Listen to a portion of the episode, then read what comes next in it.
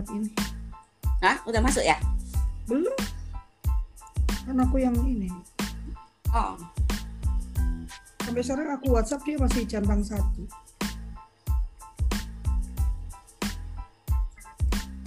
Bung Mary sentimen sama saya. Kok? aku kalau nggak dikasih duren, aku nggak mau dateng. Ada ya Lovely, hutang janji sama aku mau makan duren, nggak tahu dari tahun kapan sampai sekarang.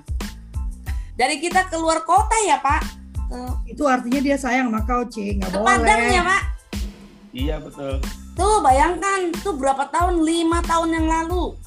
Itu kalau duren kalau saya saya iniin udah berbuah berbunga-bunga tuh kalau saya depositoin. Kita udah live ya. Saya, aku buka ya. Iya.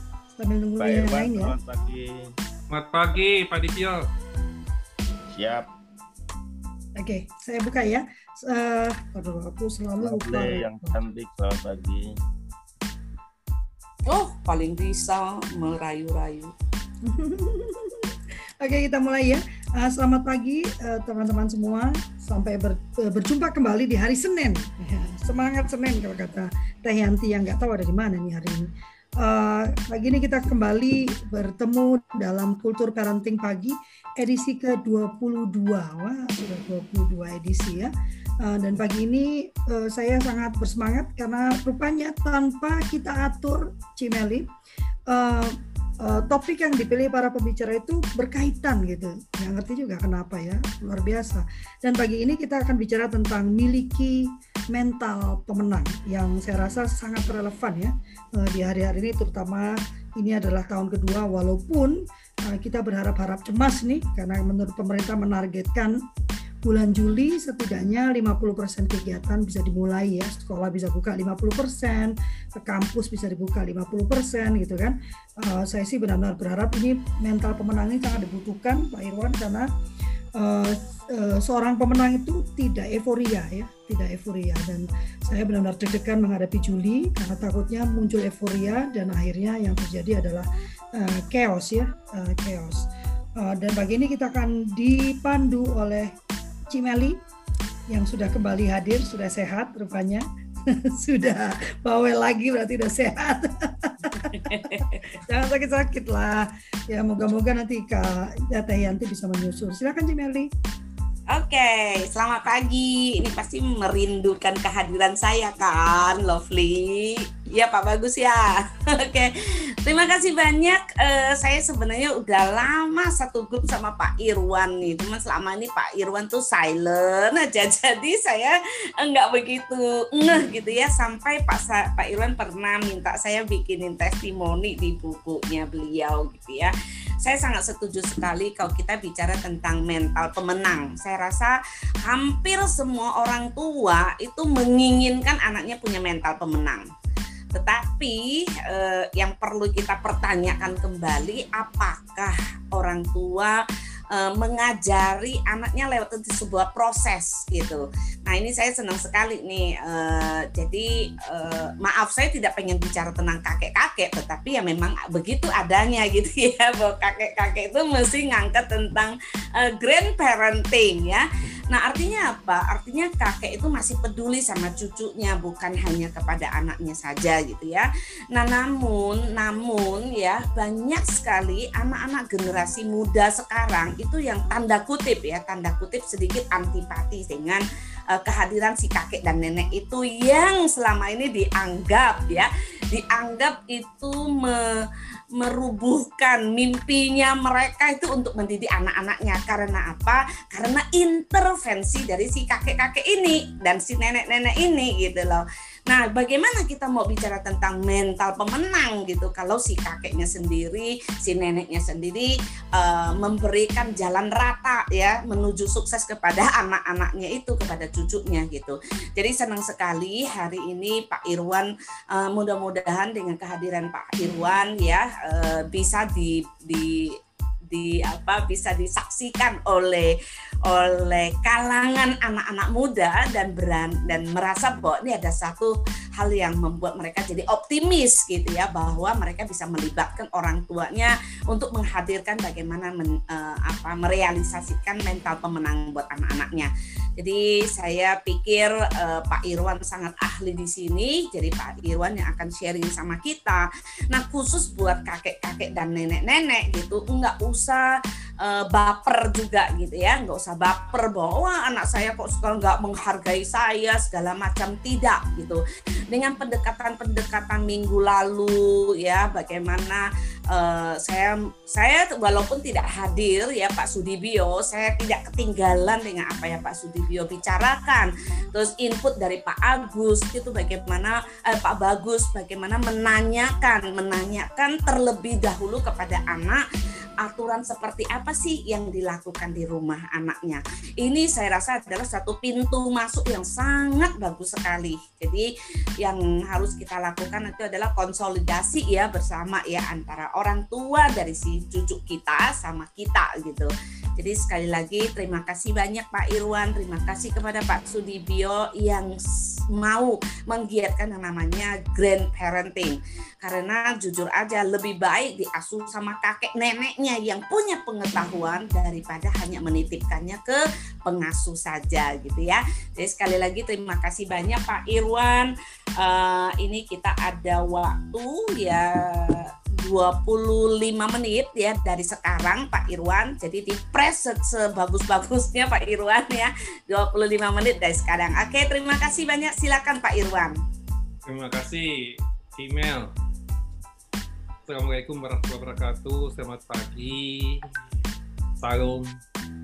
Om Swastiastu, Namo Buddhaya, salam kebajikan, katanya gitu Kak? Ya, Namo Buddhaya nanti bisa-bisa uh, salam Pancasila gitu ya.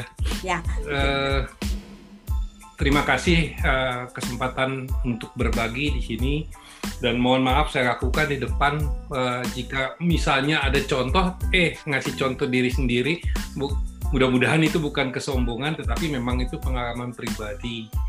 Uh, saya juga mengapresiasi ada guru saya di sini ada Prof. Yati ada teman saya juga ada Budiati nih satu perjuangan di psikologi Unpad dulu. Terus juga ada mantan staff saya juga ada mantan manajer saya tuh ada Fuli ada Elga gitu ya dari LPT UI uh, baiklah uh, sebelum saya mulai dengan sharing screen saya uh, ingat mau cerita sebentar apa yang disinggung Cimel tadi gitu ya orang kita ini mungkin terlampau peduli ya, terlampau care sehingga kadang-kadang mencampuri pendidikan ya. Ini ada ada contoh menarik ya. Jadi tumben nih ada ada ada senior saya belajar di Inggris ngambil MBA gitu ya, Master in Defense Administration. Dan mungkin juga karena ada keterlambatan apa, dosennya lebih muda dari dia dan membuka diri untuk yuk konsultasi di rumah saja. Nah pada saat konsultasi itu rumahnya kecil bertingkat begitu pakai karpet gitu ya. Terus eh, anaknya anaknya si dosen ini sekitar 3-4 tahun turun tangga dan jatuh dan nangisnya kenceng banget gitu. Hmm. nangisnya tuh kenceng banget. Terus apa yang di di di, di senior saya ini yang malah uh, uh, merasa nggak genah keganggu dengan suara tangis anaknya dosen. Dosennya tenang aja membimbing gitu loh. Hmm. Sampai sampai akhirnya kenapa kamu nggak bisa konsentrasi? You can get my point katanya sampai itu itu anak kamu nangis tuh kan nangis gitu. Ya biarin artinya kalau dia jatuh nangis artinya dia masih punya tenaga untuk menangis. Tapi kalau dia tadi gebrak terus diem, nah saya putuskan dulu konsultasinya, saya bantu dia gitu ya. Nah ini apa pelajaran yang bisa kita ambil dari sini? setelah gitu ada satu cerita lagi dan uh, ayah saya tuh eh, cukup uh, demokratis saya kira ya uh, bahkan kadang-kadang banyak ilmu yang dari luar dia terapkan di sini budaya kita yang belum nyambung gitu kan nah salah satu yang yang diajarkan di sekolah waktu kita kecil kita sama nggak ya kecilnya kita disuruh Umur berapa pak kita uh, saya baru baru 46 Oh, berarti lebih muda. Kalau dibaca di Arab 64. Jadi kemarin dapat vaksin yang 60 tahun ya. Oke. Okay. Jadi waktu kecil itu di, diajari nama guru-guru sekolah jalan di sebelah apa? Kiri. Kiri. Nah, ayah saya bilang jangan jalan sebelah kiri. Kenapa? Jalan itu di sebelah kanan. Kenapa? Karena mobil kita, kendaraan itu jalannya sebelah kiri. Kamu kalau kamu jalan juga di sebelah kiri, kamu ditubruk dari belakang, kamu nggak tahu. Tapi kalau Hmm. kamu jalan di sebelah kanan, mobilnya ada sebelah kiri, mobil yang nyelonong, kamu bisa menghindari dia. Logik gitu ya, logik. Iya, Ini iya. juga ada makna-makna yang eh, sangat membekas dalam diri saya bahwa sebetulnya harusnya bagaimana, harusnya bagaimana suatu pendidikan itu diberikan. Selanjutnya izin saya share screen supaya ada audio visual lah. Gitu. Eh, saya buat secara singkat saja tentang memiliki mental pemenang. Kata Cimel tadi harus 20 menit selesai gitu ya. Nah, seperti inilah gitu mental pemenang. Jadi intinya eh, kalau saya melihat di buku itu juga yang diberikan testimoni itu juga saya katakan bahwa eh, setiap manusia itu dilahirkan sebagai pemenang. Ya. Ya, naturalnya tuh begitu. Jadi sekian juta sperma berebut satu sel telur dan satu yang menang. Jadilah Kak Lovely, jadilah Cik Mel, jadilah Pak Dipio, jadi Prof Yati, jadilah Irwan gitu ya. Nah selanjutnya pada saat dia menjadi human gitu ya dan dia mudah mulai mandiri gitu ya, dia yang harus involve dan survive, dia harus survive dan involve. Dia harus mencari sesuatu yang bisa menjadi power, menjadi kekuatan dia. Dan ini yang mendukung dia menjadi champion, menjadi pemenang gitu. Dan ini ya kok kemarin juga ada ini patut dirayakan ya patut semua disyukuri gitu ya bahwa eh, saya sudah menda- mendapatkan eh, jati diri saya sebagai pemenang. Eh, selanjutnya ini ada beberapa catatan kecil saja. Jadi kehidupan adalah perjuangan tanpa akhir gitu loh. Jadi memang untuk mencapai pemenang itu akan banyak ujian gitu, akan banyak tantangan, akan banyak jatuh bangun gitu ya. Hakinya setiap individu itu sebagai pemenang, namun diperlukan perjuangan untuk meraihnya. Sejak usia dini sampai dewasa pun, bahkan di usia lanjut, ya saya ngerasakan selalu diuji berbagai permasalahan gitu ya kayak kemarin saja kan usia lanjut eh, karena katanya sampelnya usia 19 sampai 59 tahun jadi yang usia 60 tahun ke atas belum bisa divaksin nah setelah itu banyak eh, pertentangan banyak eh, diskusi banyak di sana. Kan akhirnya harus memutuskan juga ayo kita divaksin nggak? Sementara saya sendiri dapat jatah dua di Jakarta ada di Satgas dan di Mabes TNI gitu ya. Ah enggak saya bersama istri saya aja di di Bandung gitu ya. Kita daftar aja di di, di sini kita.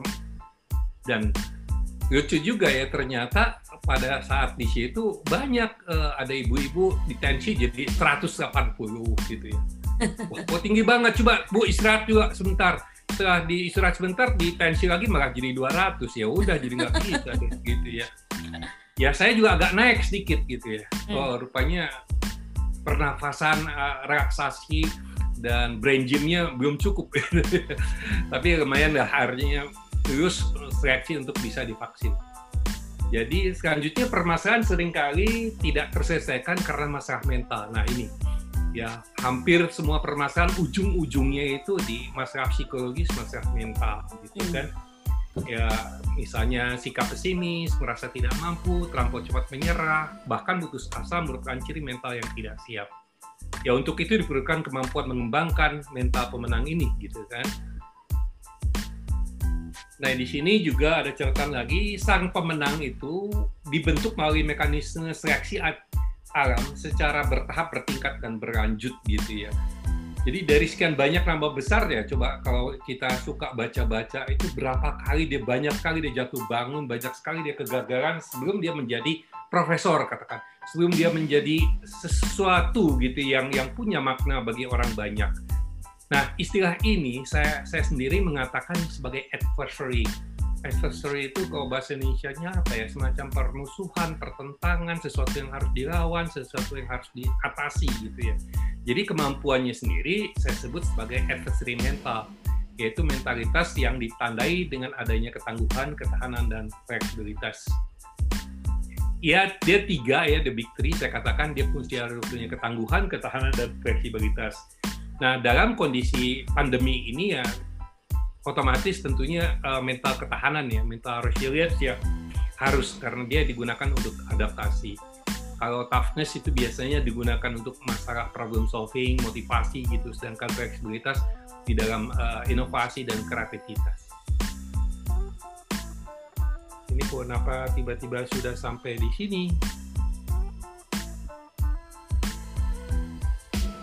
Ya, jadi uh, tips pengembangan yang yang saya saya pikirkan adalah ya kita sendiri pertama ya pertamanya tuh harus uh, kita terlampau banyak toxic mental yang yang dari hoax, dari film, dari apa pun ya. Jadi kita harus sebetulnya uh, memfiltering gitu ya. Jangan apa yang masuk, apa yang kita lihat, apa yang kita dengar gitu. Karena itu tidak akan pernah hilang begitu dia masuk. Otak kita itu mampu menampung sekian banyak memori. Jadi hati-hati memasukkan sesuatu yang tidak baik di dalam neuro kita. Nah, selanjutnya ayo kita jaga niat, pikiran, ucapan ya dan self talk ini bisa kami biasa kami lakukan di di komunitas uh, psikologi olahraga. Nah, filtering tadi saya katakan saya itu ada optimis membayangkan skenario keberhasilan ya. Di Satgas uh, COVID sendiri saya juga nantang gitu ya. Kita bikin program kita punya target gak ini COVID ini selesai kapan? Kaget semua ya.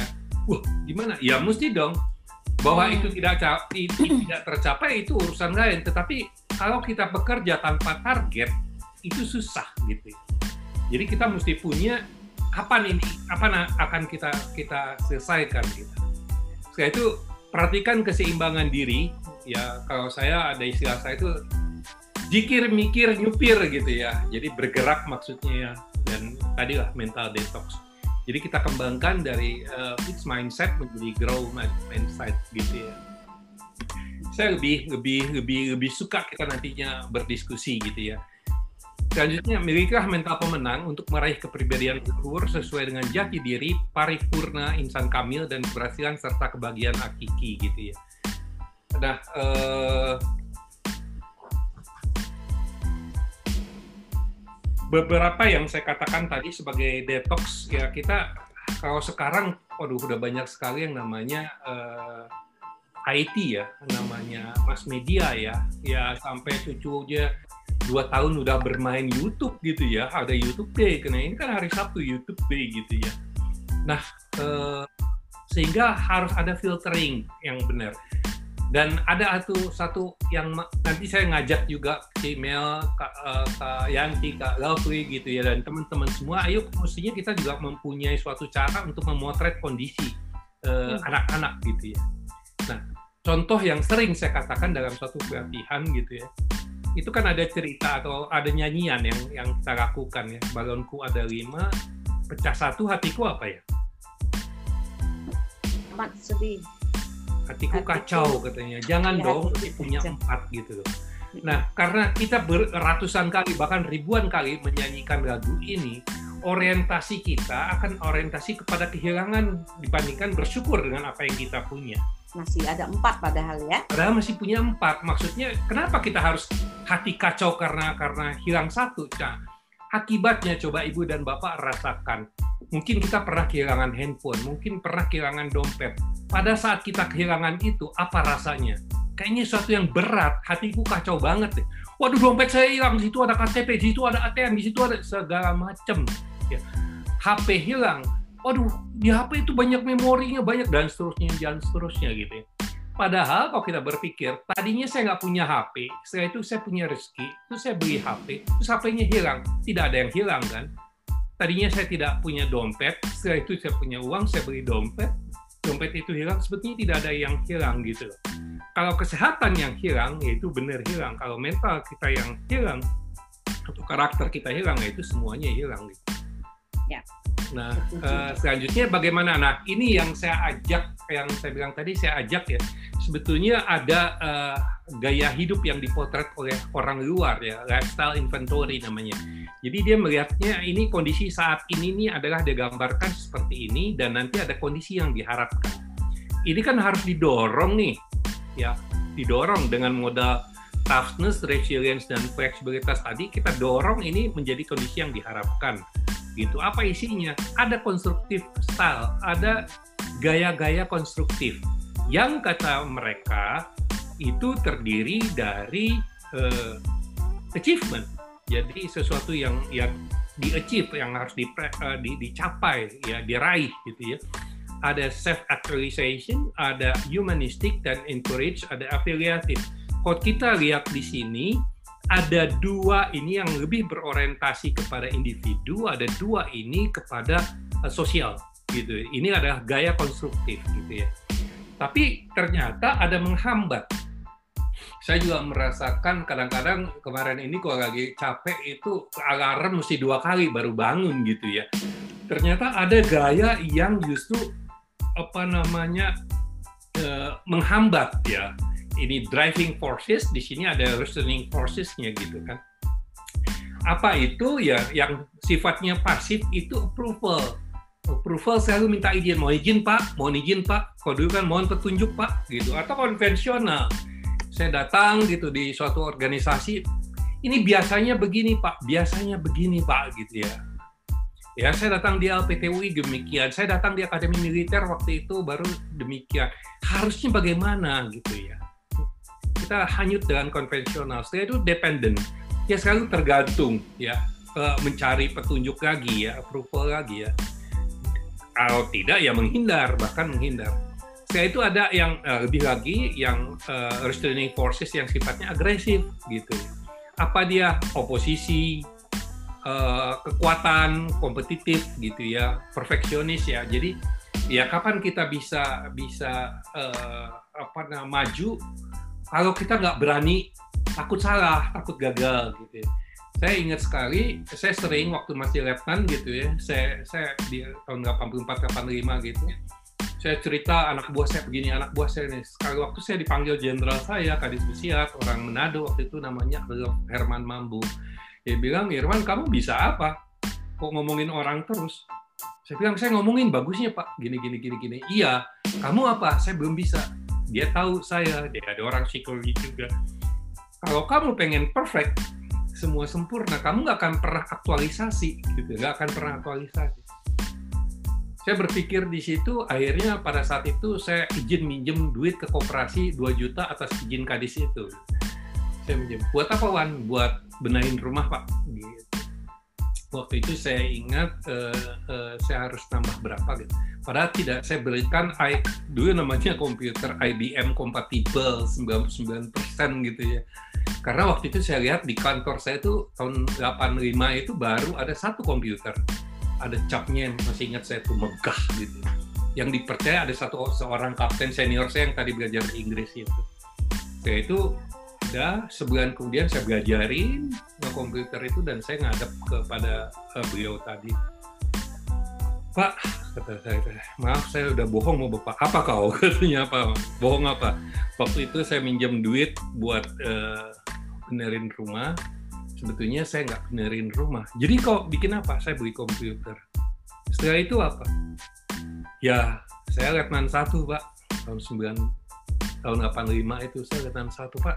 Kalau seorang letnan satu punya komputer, masa jenderal mimpin kantor segini besar punya satu komputer juga gitu ya. Saya tantang beliau gitu. Sampai saya hampir disekolahkan komputer ke Inggris dan saya siapnya agak kalau sekolahkannya psikologi mungkin siap gitu kalau ini siap pak gitu kenapa ya saya bilang karena kembali lagi kan uh, bukan bukan main main knowledge saya gitu ya. Saya takut nanti malah saya dipindahkan ke infodata gitu kan.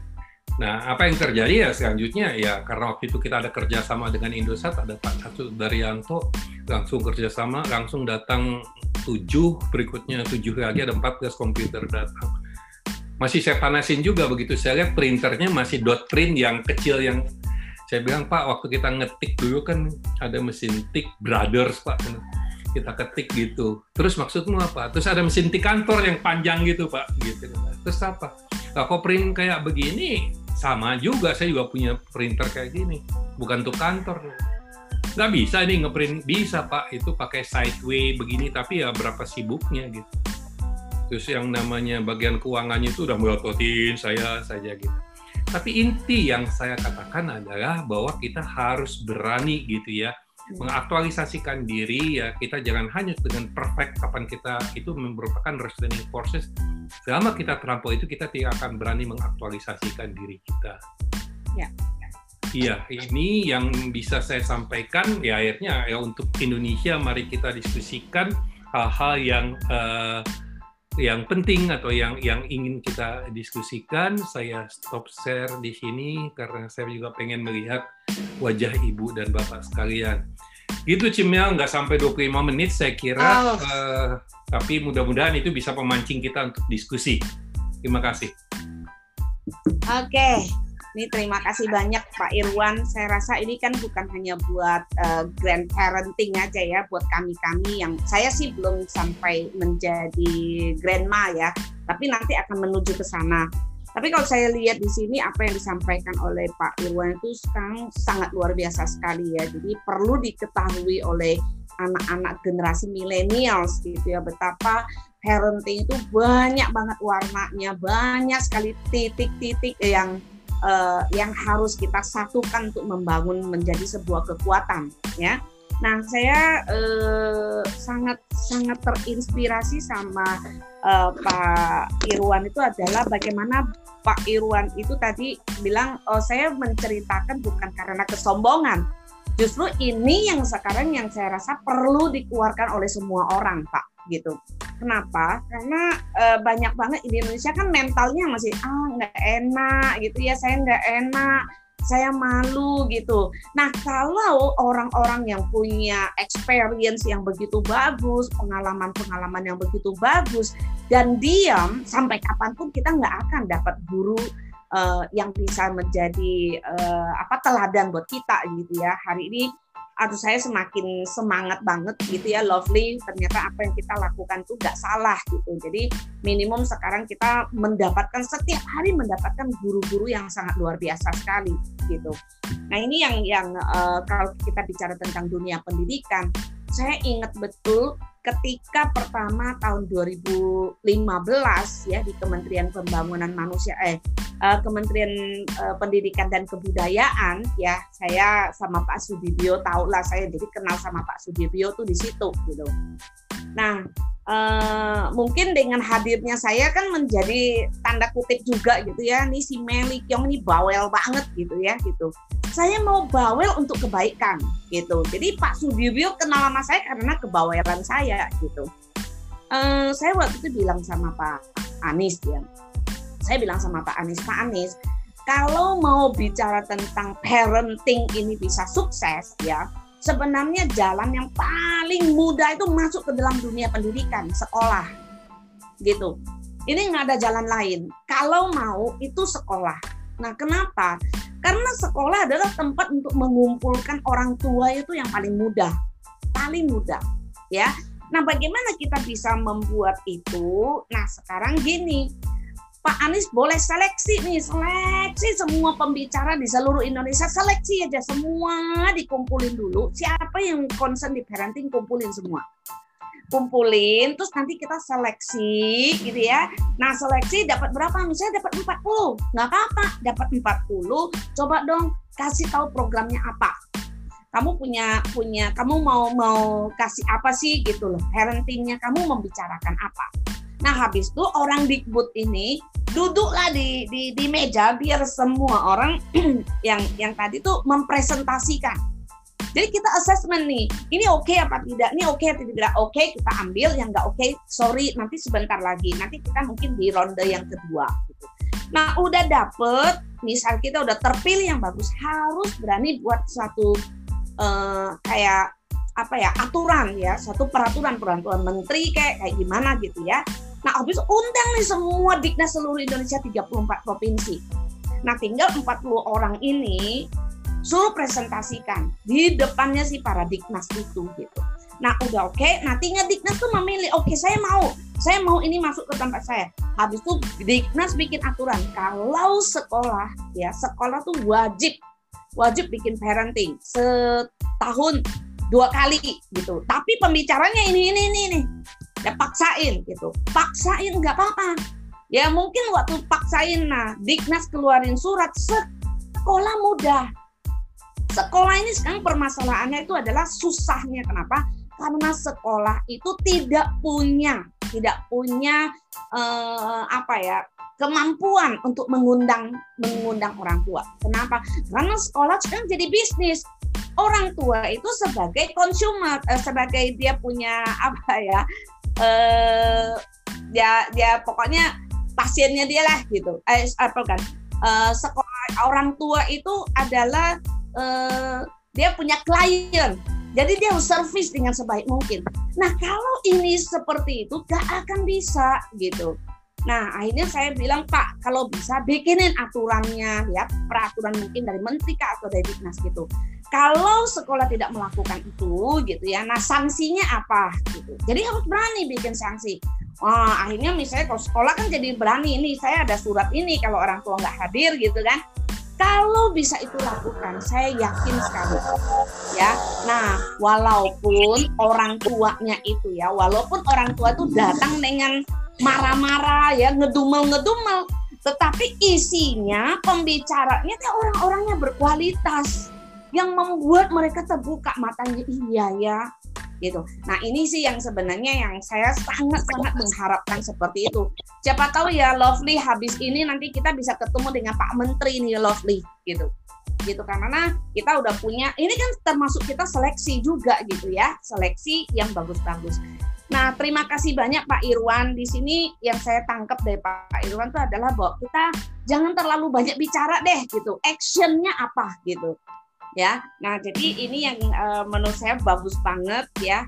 Nah, kalau kita punya action-action yang bagus, ayo bagikan actionnya apa supaya kita saling mengadopsi ada ide bagus dari Pak Irwan, ada ide bagus dari uh, Pak Bagus, ide bagus dari Ibu Jati, ide bagus dari mana-mana. Kita saling saling apa ya, saling bertukar gitu loh, sehingga bisa dapatkan yang bagus gitu. Oke, saya memberikan kesempatan ya kepada Bapak dan Ibu untuk boleh tanya langsung sama Pak Irwan. Ya pakai waktu ini baik-baik silakan bertanya boleh mau komentari saya nggak setuju boleh juga gitu. Jadi artinya kita di sini semua sama-sama belajar untuk menjadi seorang pemenang. Silakan. Siapa yang mau bertanya Meli ya oke Pak Anil ya, ya. sorry saya nggak buka ini ya nggak silakan nggak apa-apa Pak Anil ya, ya. Oke, terima kasih teman teman-teman sekalian. Selamat pagi, salam sehat. Terima kasih Pak Irwan untuk sharingnya dari uh, guru yang berpengalaman. Uh, begini Pak Irwan, uh, beberapa waktu yang lalu saya juga menyampaikan tentang antara hukuman kekerasan dengan disiplin positif. Nah, ternyata dari pembelajaran itu ditemukan bahwa uh, orang tua itu dalam gaya pengasuhan itu kan ada tiga ya otoriter, demokratis dan uh, permisif gitu. Nah nampaknya orang tua itu selalu ada dalam kutub-kutub itu. Hmm. Orang tua yang otoriter itu ketika punya anak itu sering kali dia tidak ya ketika dia diperlakukan otoriter kan nggak enak. Lalu dia menjadi bandul pendulumnya ke arah ke permisif. Jadi eh, satu cerita ya ada satu orang pernah dia dibesarkan dari keluarga yang cukup banyak anaknya gitu. Lalu untuk mendapatkan sesuatu aja sulit gitu. Lalu pada waktu dia punya anak, dia menyampaikan begini, saya kalau punya anak saya nggak mau seperti pengalaman saya ketika waktu kecil. Nah, model dan mental seperti apakah yang harus dimiliki oleh orang tua ketika dia punya pengalaman masa lalu yang buruk terhadap pengasuhan, sehingga dia tidak larinya ke ekstrim yang lebih ke kanan atau ke kiri tadi hmm. balasan daripada uh, dan di situ kan dibutuhkan uh, proses proses pembelajaran gitu proses-proses pembelajaran seperti apa yang diperlukan oleh orang tua supaya pengalamannya itu tidak dia alami lagi atau justru ke arah yang lebih ekstrim tadi uh, kebalikannya atau lawannya. Salah satu yang saya kira bisa ditanamkan adalah memang model disiplin, tetapi disiplin ini kan kadang juga dipahami secara bias ya. Bahwa negara-negara yang maju itu semuanya adalah negara-negara yang disiplin. Hmm. menanamkan nilai karakter yang disiplin tanggung jawab. Tapi itu dibentuk juga khususnya untuk seorang laki-laki ya. Uh, saya belajar uh, bahwa seorang laki-laki apalagi dia akan menjadi kepala keluarga kita tanamkan tentang kedisiplinan tanggung jawab gitu Mungkin saya ingin dengar uh, apa bagian-bagian itu yang dalam proses itu Pak Irwan sehingga rekan-rekan kita yang lain juga bisa melihat dari perspektif supaya kita tidak jatuh pada ekstrim dari pengalaman buruk yang sebetulnya belum diproses atau direfleksikan menjadi satu proses mendidik anak dengan cara disiplin. Oke. Begitu Pak Irwan, terima kasih Ya. dan rekan semuanya. Terima kasih Pak Anil. Eh, saya rasa Pak Irwan sudah mengerti ya arah pertanyaannya Pak Anil ya Pak Irwan ya. Iya. Jadi eh, ya memang kadang orang tua kan suka merasa bahwa ada juga yang memang dia ngikutin aja turun temurun apa yang dilakukan oleh orang tuanya terhadap eh, dirinya. Ada yang melakukan seperti itu dan ada juga yang justru kebalikannya gitu ya. Dia udah pernah mendapatkan sesuatu yang eh, keras kayak gitu justru dia sangat lembek kepada anaknya dan apakah itu bisa menjadi seorang pemenang silakan Pak Terima kasih eh, Pak Anil. Sebelumnya izin ini saya nyapa-nyapa juga. Rupanya banyak banyak teman-teman sahabat saya dari psikologi nih. Jadi saya serasa sedang di sidang juga nih. Ada senior juga Mbak Era Lubis nih. Kok nggak salah kemarin juga baru ulang tahun nih gitu. Ada Pak Doni, tadi ada Mbak Oh, Ira tahun. gitu ya. Makasih sudah eh, bergabung. Makasih Pak Anil. Pertanyaan yang bisa saya jawab dalam satu semester itu sebetulnya. Tapi saya coba ini kan. Jadi memang eh, awal dari paparan ini saya saya saya sampaikan tadi bahwa eh, kehidupan itu adalah pe- per- eh, perjuangan yang tanpa akhir gitu ya. Jadi memang eh, setua apa pun kita itu adalah amanah kita tetap kita harus beradaptasi, kita harus berubah, kita harus berkembang, kita harus lebih baik gitu kan. Termasuk juga pada saat tadi, pada saat kita me- melemparkan atau me- mentransformasikan apa yang kita tahu kepada anak-anak sebagai kader gitu kan. Eh, izinkan saya juga mengambil satu satu konsep dari Hershey karena pada saat ini kan ada masa kepemimpinan juga gitu ya. Jadi kan betulnya kan Ko Hershey itu kan membagi ada empat gaya gitu ya di dalam kotak begitu ya, telling, selling, eh, participating dengan delegating dan dia kaitkan di garis bawahnya ini adalah eh, tingkat kesiapan level of readiness. Nah, itu sebetulnya follower. Follower itu bisa anak buah, follower itu bisa anak, gitu ya. Jadi misalnya katakan ya, eh, katakan si, si si anak tadi, memang kita mesti tahu developmental task.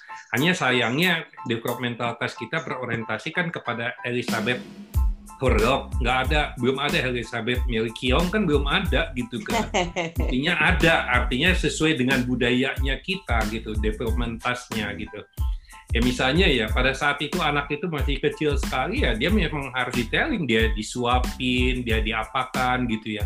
Nah mungkin pada saat dia usia umur udah dua tahun segala macam gitu ya dia udah udah sharing di situ yang di- diberikannya. Artinya diawasi saja gitu ya. Tapi si orang tua atau ibunya masih ada di situ. Karena apa? Begitu ibunya nggak ada mama mana mana mana bunda mana? Ribut dia gitu. Nah, kayak gitu kadang-kadang dibantu gitu. Berikutnya participating bahwa anak-anak itu udah bisa bet- betul bermain sendiri. Pada saat-saat yang berbahaya saja baru orang tua mengingatkan. Nah sampai bahwa dia di delegating nah pertanyaan bapak pada saat disiplin tadi benar. Memang memang kita dan waktu kita melihat kan bagaimana ya itu orang Jepang menanamkannya? Karena misalnya kok ada ya waktu tsunami di Jepang ada anak kecil yang mengantri kedinginan gitu ya belum makan ngantri. Terus orang ngasihkan jaket kamu kedinginan nih pakai jaket ini. Oke. Tapi pada saat orang itu memberi roti buat apa ini? Eh, buat kamu kan kelaparan. Terus dia eh, ngasihin ke panitia roti itu dia nggak mau di, diistimewakan gitu. Jadi sebetulnya ada hal-hal yang sifatnya logik yang sifatnya hakiki eh, eh, yang harus ditanamkan nah izin saya atas perenungan saya sebagai eh, lansia juga gitu ya eh, bahwa saya melihat bahwa semua makhluknya Tuhan itu fitrahnya adalah to give the others, memberi. Dulu saya ingat masih waktu kecil ada take and give, udah itu diganti give and take. Setelah itu izinkan saya mengganti give and give we can take from God gitu. Jadi kita lihat coba kita lihat dari apa lah misalnya dari awan atmosfer dia memberikan suatu kehidupan awan gitu ya air datang ke bumi sampai pohon pun ya memberikan badannya untuk jadi mebelnya kita. Memberikan oksigen gitu ya.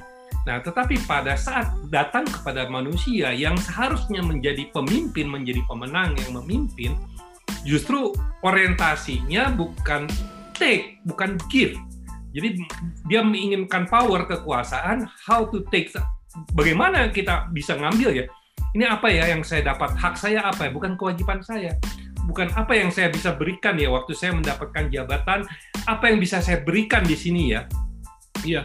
Uh, uh, yang ini yang saya takut tadi kesombongan. Ini ada teman-teman dari LPTUI dan mantan LPTUI dan asosiasi LPTUI. Mungkin dari saya orang ketujuh menjadi pimpinan di situ. Saya kan bukan dari UI saya kan dari Unpad gitu ya. tapi saya masuk kan dengan dengan seleksi gitu ya nah selalu yang dipikirkan saya apa yang bisa saya berikan ya hmm. bukan apa yang bisa saya ambil apa yang saya bisa berikan ya ya. Nah, termasuk di sini ada ada Pak Pak Roni nih. Pak Roni waktu itu mau pensiun. Saya ingat Pak Ron, lu mau pensiun nanti gak boleh pensiun sama gue gitu kan. Karena apa? Karena dia suka musik sama saya bikinkan mars untuk LPTUI itu untuk kebanggaan kamu untuk kebanggaan LPTUI gitu. Jadi berpikir untuk memberi gitu. Saya waktu pendidikan infantris gitu ya. Cuma 18 orang waktu itu ya. Ngeri juga ya ditembakin di apa 18 lebih banyak pelatihnya daripada kita kita ya. Pada saat selesai saya ajak orang-orang kan nih pergi aja ninggalkan. Tapi saya ajak ada orang beberapa orang. Yuk apa? Kita bersihin WC yuk. Kita bersihin apa yuk? Bersihin apa yuk? Kenapa? Lah kalau kita nggak nggak bersihin itu wah dasar itu. Wamil-wamil itu pendidikan ini ini kotor-kotor semua itu gitu. Yang salah mungkin satu orang yang dihukum rame-rame gitu. Nah hmm. jadi kembali lagi uh, Pak Anil jadi bagaimana menggugah anak ini Eh, bahwa memberikan suatu suatu kehormatan ya. Jadi disiplin itu kan sebetulnya mengikuti aturan mengikuti norm itu adalah suatu kehormatan. Nah kalau kita kan selalu ngambil adalah suatu keuntungan. Contoh saya bawa mobil nih bawa mobil nih. Mana di kita nih? Susah kali mengarah. Rebut aja jalan orang karena saya akan cepat sampai. Ada merah agak hijau-hijau sedikit lah apalagi di Medan sana kan. Semua lampu merah bisa berhenti kecuali di Medan katanya. Ini Medan bung katanya kan. Nah jadi coba kita ganti di switch di switch diri kita sendiri sebagai model. Kita berikan itu bahwa kita memberikan adalah suatu ke eh, kehormatan suatu kewajiban suatu keikhlasan apalah namanya tapi suatu suatu modal. Ya kalau kalau kita menerima sesuatu jangan wah terima kasih kapan lagi nih? Bukan begitu. Dapat dapat hadiah wah kapan lagi nih? Dapat hadiah bukan. Mikir nah gue bisa ngasih apa ya? Harusnya kan berpikir begitu saya nggak enak nih tadi ada dua raise hand udah ini ada Pak. Ya, oke. Okay. Oh, Terima masih. kasih banyak Pak Irwan. Uh, mudah-mudahan terjawab ya Pak Anil. Uh, kalau kalau saya boleh tangkep di sini sebenarnya pertanyaannya Pak Anil bagaimana sih membuat orang tuanya itu sadar gitu loh ya, ya. bahwa ya. bahwa uh, memanjakan anak itu uh, adalah hal yang tidak baik gitu. Nah, cuman Uh, mungkin pada saat nanti Pak Anil memberikan edukasi kepada orang tua, nah ini saran-sarannya Pak Irwan ya bisa dilanjutkan. Oke kita ke apa I, uh, Pendeta Adi ya silakan Bu. Ya, Singkat terima ya Bu. Kasih. Ya, Waktunya kita selamat, mepet sekali soalnya silakan Bu. Ya baik selamat pagi. Saya uh, senang dengan apa yang di disampaikan oleh Pak Irwan, saya dari Kupang, NTT. Ya. Nah, yang mau saya tanyakan bagaimana cara potret kondisi anak-anak kita saat ini sehingga kita bisa tahu kita mau memulai dari mana untuk menanamkan uh, mental pemenang dalam diri anak. Terima kasih. Oh, keren sekali. Jadi keren pertanyaannya uh, Bu Pendeta, saya silakan Pak uh, dijawab Pak. Iya. Saya jadi ingat ke Kupang, udah lama nggak ke Kupang nih Bu. Biasanya kalau di Kupang itu tuh cobain naik angkot, naik angkot itu pakai musiknya keras banget, betul ya, Bu Pendeta ya. Kalau nggak pakai musik akan laku itu angkotnya katanya kan. Dan Iya, itu kalau betul. berhenti harus teriak stop gitu ya. Iya betul. Jadi Ya. penasaran pengen ke Kupang saya Pak. ya eh, gini kalau kita lihat ya kalau kita lihat eh, di Indonesia saya nggak nggak mau kita kan nggak main berpolitik di sini ya. Kalau kita lihat di Indonesia ada kecenderungan ya makin lama suara makin keras gitu. Ya. Kalau dulu ya saya ingat ya saya bukan pro Soeharto tidak ya saya tidak mau politik. Tapi dulu misalnya ada contoh-contoh saja. Pak Harto itu pernah mau laporan pertanggungjawaban ke DPR gitu ya. Jadi kan selalu ada kolonel yang membawakan naskahnya gitu kan. Nah, rupanya drivernya ini eh, ngeremnya ini agak-agak agak ke depan sedikit sehingga kelewatan orang yang membukakan pintu gitu. Nah, ajudannya dia merangkap gitu ya. Jadi mem- membukakan pintu. Eh, di arahnya ada angin kenceng gitu angin kenceng jadi naskahnya tuh wer kabur apa yang dilakukan Pak Harto? Mungkin orang lain wah kamu dimaki-maki. Enggak Pak Hartonya senyum. Makanya cocok dibilangin smiling general itu senyum dia. Senyum. Itu udah paham gitu. Seringkali menterinya saja itu begitu aja ngerti Nah, kalau sekarang Pak Jokowi itu sampai marah menterinya, ya sorry ya, nggak semua menterinya itu bisa ngerti. Udah pakai marah-marah, ini kenapa sih data bisa beda-beda? Nggak bisa ngerti gitu. Nah, ini ada apa dengan dengan kita? Ya, jadi suara itu begitu harus kerasnya bisa didengarkan. Nah, sebetulnya kelembutan bagi saya sendiri sebetulnya kelembutan itu keheningan itu eh, bisa menjadi menjadi eh, cara yang baik. Eh, dulu ada apa namanya berdamai di meja makan lah, apa namanya demokrasi meja makan lah, apa gitu ya Bu Pendeta ya. Tetapi ya kita pakai cara menggunakan misalnya, yuk ini ada yang disepakati. Nah pada saat-saat tepat itulah gitu ya kita bisa memberikan masukan kepada eh, anak. Nah setelah itu, oh ini bukan kesombongan lagi. Saya punya anak pertama itu katanya tuh ganteng. Sebetulnya anak kedua karena yang pertama miskram kan. Jadi dimanja lah dari kanan kiri itu dimanja gitu kan. Dia putih, dia ini ganteng. Bagi saya, saya ngasih ngasih sepatu untuk dia gitu ya. Waktu dia umur 2 tahun itu sepatu bata ya, ya gajinya kapten kan. Setelah itu eh, neneknya dia, nenek adik-adik dari dia nenek juga kan itu jarinya ngasihnya mau kasin gitu. Aduh kata saya ini bahaya nih anak. Dan saya udah antisipasi anak ini waktu umurnya masih 4 bulan 5 bulan 6 bulan itu saya cemplungin di kolam loh Ci. Saya lemparin di kolam gitu. Ternyata bisa ya dia natural dia bisa berenang langsung muncul gitu bisa berenang gitu nggak ada yang bisa ngarang anak-anak gue gitu siapa yang ngarang gitu kan.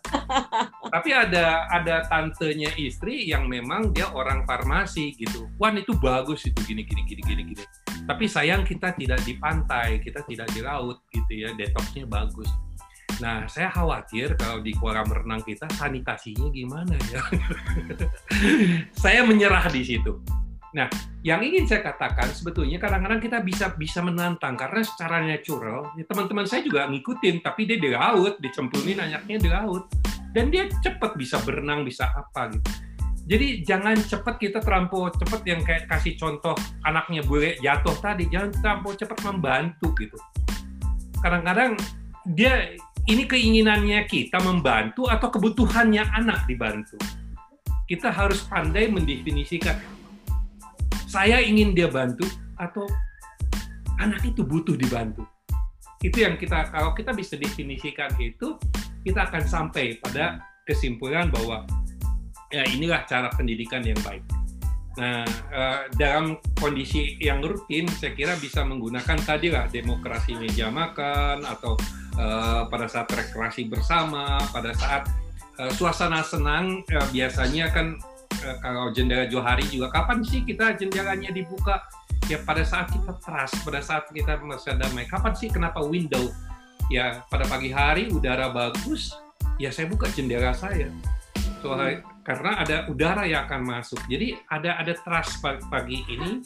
Jadi ada sesuatu pada saat itu ada kebutuhan kita mesti mengcreate dia ada kebutuhan pada saat itu kita masukkan tadi lah katakanlah semacam hal-hal atau values yang penting untuk uh, mereka gitu ya termasuk sikap-sikap mental pemenang. Demikian. Ya, terima kasih banyak Pak Irwan. Saya rasa mungkin Bu Adi uh, bisa mendapatkan satu clue nih dari Pak Irwan ya. Kan kembali lagi kepada needs dari si anak itu tadi gitu. Nah, cuman tadi uh, boleh kali ya Bu Pendeta nanti boleh dicoba kali ya. Jadi ajak anak-anak untuk mendiskusikan misalnya tentang yang tadi kalau naik mobil itu harus suaranya kenceng-kenceng suaranya ini gitu ya. Nah, bagaimana itu bisa didiskusikan sama si anak itu? Siapa tahu generasi anak sekarang itu yang mengubah menjadi uh, apa uh, tradisi itu misalnya bisa bisa dikoreksi gitu ya menjadi lebih silent moment ya Pak ya gitu ya. Mudah-mudahan menjawab ya. Oke, terakhir ya, terakhir ini ada pertanyaan dari Ibu Ma sebentar Maranata ya silakan Bu Marata terakhir ya karena waktu ya kita sudah habis. Silakan Bu singkat. Ya, Selamat pagi. Oh Bapak ya? Ya. Ini ke ini ketukar nih pendetanya Adi iya, bapaknya Maranata maaf maaf. Oke silakan Pak. Terima kasih. Uh, saya Pak mendapat apa uh, kesempatan untuk bertanya di forum ini. Saya tadi mendengarkan banyak sekali model-model yang digunakan di dalam mendidik anak di rumah maupun di sekolah. Namun yang ingin saya tanyakan ini ya uh, terkait bagaimana menosikapi uh, orang tua di dalam uh, program pemerintah atau program di mana pun tentang an, uh, rumah eh ramah anak tentang ramah anak yang harus dikerjakan uh, oleh orang tua ketika di sekolah atau di lembaga agama gereja atau masjid atau lembaga yang lain atau sekolah yang berfavorit sudah dilakukan dengan baik. Namun orang tua kurang menanggapi. Itu caranya bagaimana untuk uh, bersama bersinergi di dalam membentuk anak dari usia PAUD sampai dengan usia SMA atau SMK. Kalau kuliah sudah beda lagi urusannya menurut saya. Uh, itu menurut saya usia-usia yang uh, rawan untuk di dalam uh, pengembangan anak. Itu saja. Terima kasih. Baik. Terima kasih banyak uh, Pak Maranata ya ini sama aja pertanyaan sama Ibu Nur Aini itu sama ya, itu sama. Seperti yang tadi saya juga udah angkat sedikit juga uh, tagline-nya bahwa orang tua sekarang tuh sangat sulit sekali untuk diundang oleh sekolah karena sekolah juga tanda kutip tidak punya kemampuan untuk memaksa orang tua. Kenapa? Karena sekarang uh, school is uh, as a business ya gitu. Jadi itu itu yang sebenarnya menjadi kendala. Ini Bu Nurani bilang seperti ini mengundang orang tua untuk parenting itu susahnya minta ampun karena di sekolah sudah walaupun sekolah sudah mengundang narasumber yang bagus sekalian pun ya untuk uh, kehadirannya itu bisa mencapai 100% itu sulit sekali gitu ya. Bisa 60% itu Bu Nur Aini 60% itu udah super Bu gitu. Biasanya itu cuman hanya antara 10 sampai 20% ya. Jadi itulah karena apa kesadaran orang tua bahwa parenting itu nggak penting gitu. Nah, kurang seksi. Nah, ini tantangan kita. Silakan Pak Irwan tolong dijawab. Ya, semendapat dengan si Mel tadi ya, memang eh, mungkin care-nya kurang ya. Bagaimana bisa bisa dia uh, menjadi peduli gitu ya. Memang tadi udah banyak sebetulnya dilakukan yang kayaknya ya datangin uh, narasumber yang hebat segala macam ternyata belum juga bisa. Intinya memang uh, bahasa saya itu apa yang bisa menjadi magnet gitu ya. Apa yang bisa menjadi magnet. Nah, uh, gini. saya uh, saya cukup mendalami masalah PIO ya Indonesia uh, industri organisasi psikologi industri organisasi ya salah satunya bagaimana bisa bisa membuat uh, membuat uh, engagement employee engagement gitu kan hmm. nah uh, ada teman ada teman saya eh, saya nggak mau promosi di sini tapi ada teman saya ini justru dia bukan orang psikologi dia orang uh, animasi lah ya tapi dia buat dia buat tools dia buat tools uh, uh, ternyata tools itu ya dipakaikan di jam gitu ya dan semua bisa bisa dinilai. Jadi orang itu ternyata ternyata suka mendapat skor kan suka mendapat gift. Ya kan? Jadi misalnya misalnya waktu itu ada kewajiban dari pemerintah satu hari jalan setengah jam gitu ya, ya. jadi begitu orang ini jalan setengah jam itu akan dapat skor dan dia ah. tahu skor yang lain. Kalau satu jam skornya akan lebih. Kalau berjam-jam, wah enggak. Jadi kerjanya cuma jalan-jalan gitu kan. Ya. Nah, kalau dia punya ide, nah jadi setiap ada wujud kinerja yang ditampilkan, ini uh, uh, apa namanya? Ini tercatat dalam bentuk skor gitu. Nah, ini juga ini juga bisa ya kita create bersama gitu ya. Saya jadi terpikir hmm. bagaimana supaya orang tua tadi juga punya engage terhadap sekolah, engage ya. terhadap terhadap anaknya, ada sentuhan hmm. terhadap apa gitu ya. Jangan tiba-tiba uh, terima rapor, kenapa rapor anak saya kok begini, kok kok kok, kok jelek sekali dan seterusnya dan seterusnya gitu kan? Ya. Ataupun kenapa kelakuannya begini, tapi dia tidak mengikuti gitu. Ya. Dan dan ini juga saya terjemahkan uh, apa namanya ada namanya kayak performance appraisal itu. Nah, performance appraisal itu diberikan cuma enam bulan sekali gitu, enam bulan sekali ya tiba-tiba uh, si pimpinannya yang tidak sering memantau kan just take from the air aja. Oh ini mau naik pangkat kasih 87, eh dari mana itu angka gitu. Ya. Nah tetapi kalau kita bisa membuat suatu koneksi, katakanlah dengan dengan IT tadi, sehingga si orang tua, parent, uh, uh, guru, gitu, anak ini terkait dengan dengan ini sehingga akan ada engage. Jadi jadi saran saya memang memang itu. Ya, Oke. Okay. Okay. Yang... Bagaimana sekolah membangun engagement dengan orang tua dengan cara-cara mungkin memperhatikan kebutuhan orang tua tuh pengennya apa gitu ya. Jadi kita uh, melihat kebutuhannya apa gitu ya Pak ya. Iya Izinnya apa juga ini Bang Kemal Stambul ini orang hebat senior saya. Kenapa baru datang Bang Kemal? Selamat datang Pak Kemal. Oke okay, Pak. Jadi saya ada kajian dari jam 6 jadi uh, Anda kelewat jadi harusnya wow. harus selesai kelewat dong adiknya nih Bang. Berarti yeah. nanti ada ada sis ada lewat, sesinya Pak Kemal. Semua yang hadir di sini pasti orang hebat yang akan kita todong ya Pak. Nopi catat. Aku seneng aja dengarnya Irwan. Oke okay, Pak Irwan, uh, terima kasih banyak ya buat semua Bapak dan Ibu. Uh, ini, Pak Haji mau nambah itu Hah? Mau nambah Pak Haji. Boleh nambah katanya. Pak Haji mana? Maranata itu di setting, di setting Pak Haji Maranata mungkin. Oh. Ya. Silakan, silakan sebentar ya Pak satu menit ya silakan. Oke ya, uh, saya, saya tadi dari apa jawaban yang disampaikan oleh Pak Irwan tadi, saya menemukan uh, apa yang hendak dilakukan oleh orang tua di masa-masa pandemik di dalam sekolah online ini atau sekolah di rumah. Berarti orang tua menurut uh, menurut penangkapan saya berarti orang tua itu harus apa ya uh, berani menantang anak untuk melakukan sesuatu untuk menantang anak untuk melakukan sesuatu kalau dia bisa melakukannya uh, dia akan diberikan reward.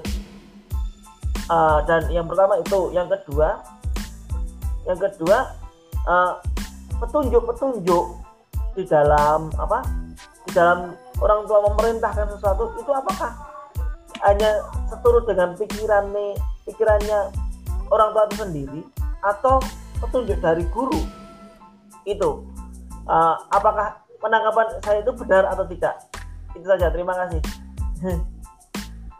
silakan Pak Irwan Ya intinya uh, Pak Haji intinya kan komunikasi ya. Jadi sekat komunikasi yang diputuskan ya di, di, di, di dibuka selebar-lebarnya antara guru uh, guru orang tua dan anak gitu ya. Jangan sampai kaget si orang tua pada saat gurunya memberikan penilaian tertentu gitu ya.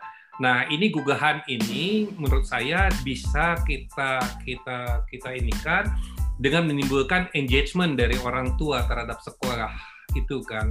Nah, ini kita mesti mendalami ya kadang-kadang kenapa anaknya sekolah di situ karena nggak diterima di mana-mana. Ini kan ini udah awal gini udah ada awal permasalahan gitu kan. Tapi mengapa anaknya sekolah di situ? Karena bapaknya pun ibunya dulu sekolahnya di situ. Wah, itu lebih bagus. Saya pernah pernah memberikan suatu ini di mana semacam persatuan orang tua murid itu uh, memang mantan-mantan dari sekolah itu juga anaknya di situ juga oh, luar biasa gitu. Bisa seperti itu. Oke. Okay. Terima kasih banyak Pak Irwan. Mungkin uh, saya kayaknya terlalu banyak informasi yang begitu positif yang disampaikan oleh uh, Pak Irwan tentang bagaimana kita membangun mental menjadi pemenang ya. Seharusnya ini yang harus uh, apa? Seharusnya ini benar-benar disadarkan ya kepada masyarakat seluas mungkin lewat peran orang tua maupun sekolah gitu. Bahwa ke depannya sumber daya manusia kita untuk menyongsong uh, generasi emas itu betul-betul uh, menjadi tantangan yang luar biasa ya. Nah, bagaimana uh, yang dibutuhkan itu sebenarnya ya kita sebut dengan 3P Pak. Ini yang 3P itu pertama bagaimana membangun people-nya, people-nya gitu ya. Nah, people-nya terus bagaimana menyelamatkan buminya. Nah, planet itu kita bicara tentang P yang kedua itu planet, P yang ketiga itu adalah bagaimana mereka tuh uh, mampu menghasilkan, mengerti tentang bagaimana menghasilkan bisa dapat profit gitu kira-kira seperti itu. Nah, ini sangat penting sekali bahwa dia harus punya mental pemenang. Kalau saya tangkap dari apa yang disampaikan oleh Pak Irwan dari tadi, mental pemenang di sini bukan hanya sekedar menjadi pemenang yang lewat kompetisi gitu ya, tetapi bagaimana pemenang yang mempunyai kecerdasan secara spiritual yang kita oke okay, mindsetnya kita ubah jadi tidak selalu harus kalau saya memberi apa yang saya dapat gitu ya. Take and give itu bukan lagi take and give itu kita sudah ubah ke stepnya menjadi give and take tapi Pak Irwan malah mengen give and give gitu. Selanjutnya ya nanti terserah sama situ yang di atas punya kalkulator yang nggak bisa kita lihat ya Oke, terima kasih banyak Pak Irwan. Jujur, uh, saya pribadi sangat-sangat mengapresiasi dan saya pikir uh, Lovely kita semua di sini sepakat bahwa ini adalah sesuatu yang sangat urgent sekali ya bagaimana sekolah-sekolah membutuhkan parenting but they don't know how to-nya. Bagaimana membawa orang tua itu masuk ke dalam sekolah dan duduk uh, benar untuk mendengarkan apa yang disampaikan oleh Pak Irwan, disampaikan oleh Pak Sudibyo gitu ya. Saya rasa nanti saya Lovely dan Kak Yanti akan bikinin satu screening gitu ya nanti siapa-siapa aja gitu kayaknya kita boleh datang ke Pak Menteri deh untuk membantu ya untuk membantu ya mudah-mudahan nanti bisa difasilitasi Pak Sudibyo atau siapa nanti kita istilahnya kita boleh datang ke Pak Menteri untuk do something ya action ya jauh lebih penting. Oke terima kasih banyak selamat pagi sebagai penutupnya eh, Pak Irwan mau sampaikan apa penutupnya buat kami kami. Oke yang pertama tadi ya kita sadari bahwa fitrah kita sebagai makhluk Tuhan adalah to give the others untuk memberi. Ya. Yang kedua sedikit cerita mudah-mudahan semenit saja Eh, banyak Amerika kan kalau kita cerita Amerika kan selalu rainbow segala macam. Sebetulnya ada seribu orang Amerika itu pernah ditahan di di Vietnam, uh, ulangi di Korea Utara itu selama setahun. Mereka nggak disiksa dan mereka dikasih makan segala macam kebutuhan mereka dipenuhi. Tetapi mereka dikasih grup dan grupnya diganti-ganti. Mereka disuruh menceritakan tentang keburukan-keburukan yang pernah dilakukan oleh mereka Wow. Dan segala macam segala macam di situ setahun itu apa yang terjadi?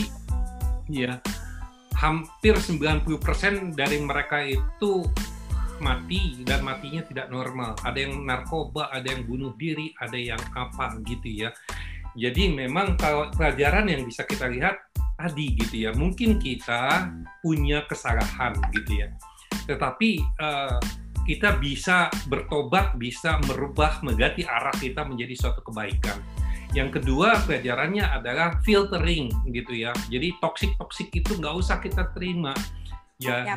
tadinya saya mengagumi orang ya ternyata dia begitu ya begini ya udah deh zaman sekarang ini terlampau banyak informasi yang tidak baik ya untuk orang tua untuk anak-anak ya kita filtering saja yang baik-baik saja mudah-mudahan itu menjadi kebaikan untuk kita semua terima kasih kesempatannya mohon maaf lahir batin kalau ada sesuatu yang kurang pas dan kurang berkenan tunggu Ya, saya atas nama. Kultur Parenting, saya mengucapkan terima kasih banyak buat Pak Irwan, terima kasih buat semua eh, Bapak dan Ibu yang sudah hadir. Oke, eh, biasanya kalau nggak ada di closing sama Lovely, rasanya ada yang kurang tepat ya. Silakan Lovely. Aku kan juru kunci. Buka dan tutup. Saya mau bacakan Pak Ferry nih menulis di sini ya bahwa proses menjadi orang tua yang baik bukan hal yang tiba-tiba. Yang jadi persoalan role baik ini yang seperti apa sangat subjektif yang bisa dilakukan secara masif dan cepat masif mungkin ya dan cepat adalah dengan memberikan program pendidikan etika di sekolah tapi guru-guru dan kepala sekolahnya digodok dulu supaya jadi guru yang punya hati pendidik, penuh Yes. kasih sayang dan disiplin. Pak Ferry terima kasih banyak. Cuma Setuju banget. setuju. Aku malah kurang setuju. Eh, setuju. Kalau gurunya Tunggu tidak dulu, aku berubah, berikan dulu, aku berikan dulu alasan. Kok jangan langsung tidak setuju begitu dan Pak Meli, ya kan? Saat ini justru saya tidak mau memberikan beban lagi kepada para guru. Karena saat ini waktunya orang tua yang dibangunkan gitu ya. Kalau semua-semua dibebankan ke guru itu tidak akan bisa terjadi ya Pak Ferry ya. oh ini setuju juga. Iya, makanya kamu dengarkan aku dulu. ya, karena sesuai dengan Permendikbud nomor 30 tahun 2017, pendidikan karakter itu dimulai dari rumah dan itu adalah tugas keluarga. Nah, ini yang perlu kita terus bangkitkan ke ke para keluarga ini ya. Waktunya untuk bangun gitu ya.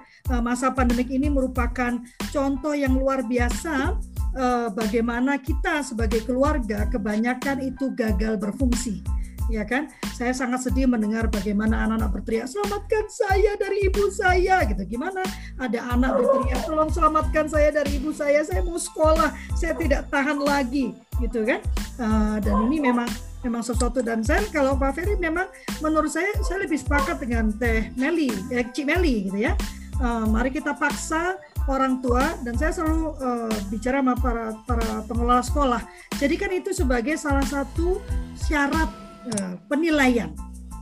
Ya jadi kalau penilaiannya itu eh, eh, apa berla- eh, orang tua itu kan nyarinya nilai ya. Dia nggak terlalu peduli tentang segala macam. Tapi kalau hadir ke eh, parenting adalah salah satu dari penentu penilaian anak dia akan datang gitu. Betul. Jadi gurunya kita kita buat eh, namanya kan kita memberikan suasana belajar kan eh, pasal satunya mengatakan eh, menciptakan suasana belajar gitu kan. Jadi kita tuh juga menciptakan suasana belajar untuk orang tua.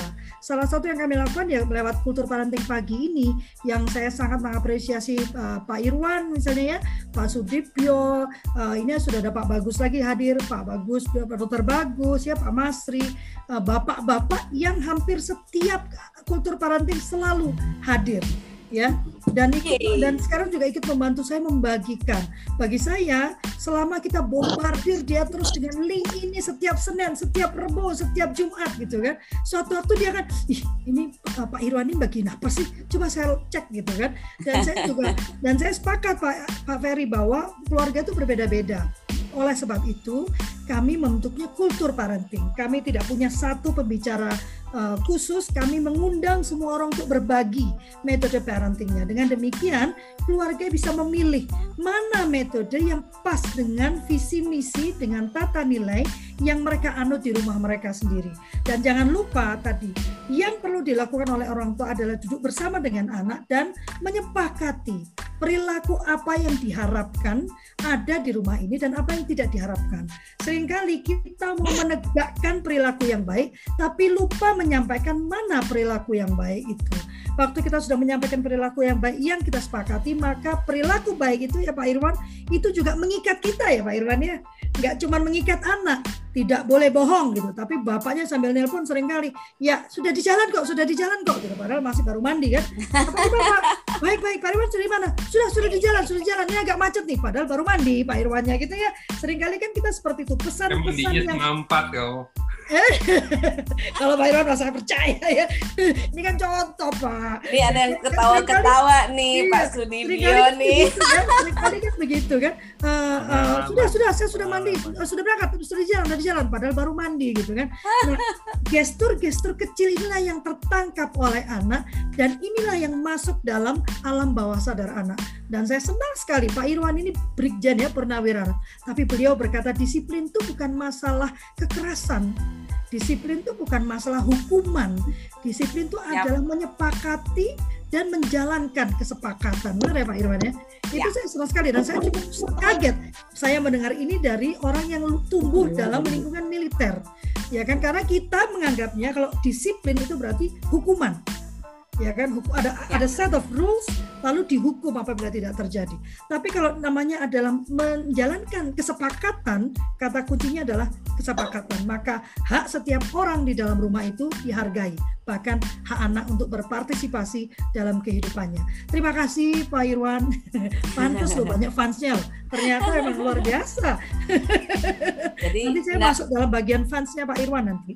Nge-like terus itu Instagramnya. Posting kalau kata anak sekarang. ya, Oke. eh, saya mengucapkan terima kasih yang luar biasa. Ini hari Senin, lu eh, menariknya kultur parenting pagi itu kalau Rabu sedikit loh, tapi kalau Senin dan Jumat biasanya banyak. Pak Bagus, selamat datang kembali. Eh, sudah sibuk banget, beliau ini nggak pernah muncul, ini muncul lagi. Ya, eh, eh, kita akan Foto-foto. bertemu lagi hari Rabu. Oh ya foto. Kita akan bertemu lagi hari Rabu. Hari Rabu itu eh, dengan ini perspektifnya nanti berbeda. Beliau akan bicara tentang menyiapkan anak untuk karir masa depannya. Pak Haji boleh buka camp, Ibu Ira selamat datang, Ibu Sunarti boleh buka camp, Ibu Siti Nuraini juga rajin banget loh dia setiap hari Selasa Rabu ada. Kanil, Kanil kalau kelasnya Pak Brigjen baru hadir juga dia. Eh, Pak Hasyati, Ibu Ella boleh membuka camp kita akan berfoto. Ibu Inanda terima kasih, Ibu eh, Terima Kak kasih Fuli, banyak. Ibu atau Bapak Pak Irwan? Siapa? Kak Fuli ini Ibu atau Bapak? Uli.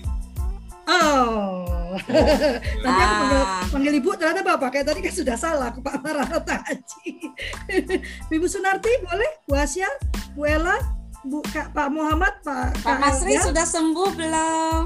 Pak Masri oh ya gimana kemarin itu hasilnya Pak Masri? Swabnya? Iya, swabnya kemarin eh, Ibu eh, Sitinya baru diangkat 34, 32 34. Kata orang kesehatan minimalnya 40 gitu. Hmm, Ah. semangat terus Pak, semangat Hari ini terus, Pak. naik jadi 45 ikutin Amin. apa yang disampaikan sama Pak Irwan. Banyak- Memberi, banyak memberi dan memberi. dari sini nih. Banyak penyintas nih. Iya, iya banyak donor plasma itu juga belum. Elga ini punya bayi kena kemarin. Oh ya? Ya, udah sembuh, udah sembuh. Oh, Tapi Saya saya lagi makin, ngumpul. makin mudah sekali pe- pe- penularannya ya. saya juga lagi mau ngumpulin-ngumpulin penyintas nih. Pak Ferry, boleh cerita, Kai, Kai Tuti, Kak Wulan, saya mau foto. Sudah? Oke, yang ada aja dulu. Ya, ya, Ya, ya. Satu, ayo senyumnya yang paling manis, Pak Irwan. Satu, dua, tiga. Yes. Nanti yang paling manis dapat skor. Oh, Yang paling manis dapat bukunya Cik Meli ya, sudah dibagikan. Lagi. Ayo udah bagiin lagi dong, bagiin lagi aja Boleh. lovely linknya. Siap, siap. Aku biasa nggak pakai link, langsung aku bagikan bukunya. Oh oke silakan dibagiin aja. Dan aku berikan memberikan. PHP ya. Iya. Pak Sudibyo sama Pak Irwan nanti kita pengen ngobrol tentang ini ya. Kita Ya. datang ke Mas Menteri biar percepatan. Termasuk yang tadi yang saya ceritakan itu kan kombinasi dua dari dua teori ikut Lewin. Itu kalau kita bikin sendiri itu bisa menjadi alat tes kita. Hmm. Oke oke. Ntar Ya. kita pikirin Pak, kita ngobrol. Ya, Oke, sampai ketemu lagi di hari Sampai- Rabu. Eh, tetap sehat, tetap bahagia. Pak Dibio, memang saya berencana menghubungi Bapak karena ada ingin saya eh, ingin kita tidak lanjuti dari kultur parenting ini terkait Ya, eh, Dokter Bagus kemarin. Saya pikir kita perlu menyambungkan antara BKKBN dan eh, Kemendikbud. Jadi eh, dari 0 sampai 18 tahun itu benar-benar diurus ya Pak Bagus ya, Dokter Bagus ya. Eh, bahkan kalau BKKBN kan bisa ngurus yang sudah hamil ya. Jadi benar-benar dari hamil itu sudah kita sudah kita urus ini urusan parentingnya. Oke, Supaya- nanti kita ngobrol berenam aja, Tofli nanti. Ya. Sesuai siklus hidup, Lovely. Yes, yes Pak Dibio. Makanya nanti. Ya. Oke, Pak Dibio. Sudah begitu. Siap. Oke, saya tutup ya. Terima kasih banyak. Terima kasih Bapak-bapak, semuanya. teman-teman. Selamat pagi. Semangat ya. Tetap bahagia. Terima kasih Pak Terima Irwan. kasih banyak Pak Irwan, Pak Bagus. Terima kasih. Irwan, Gubernur Bayar, Pendeta Adi, Pak Bagus. Pak Bagus aja udah ada dua nih. Mbak Mbak Yati, waduh banyak sekali. Ya, terima kasih Bu Reni, Oke. Ya. Bu Siti. Ya. biasa. Terima kasih. Terima kasih ya. Sukses ya. Oke. Mas Sri, Bu Fuli. Oke. Ya, terima kasih semuanya. ya. Ya. Kita lanjut.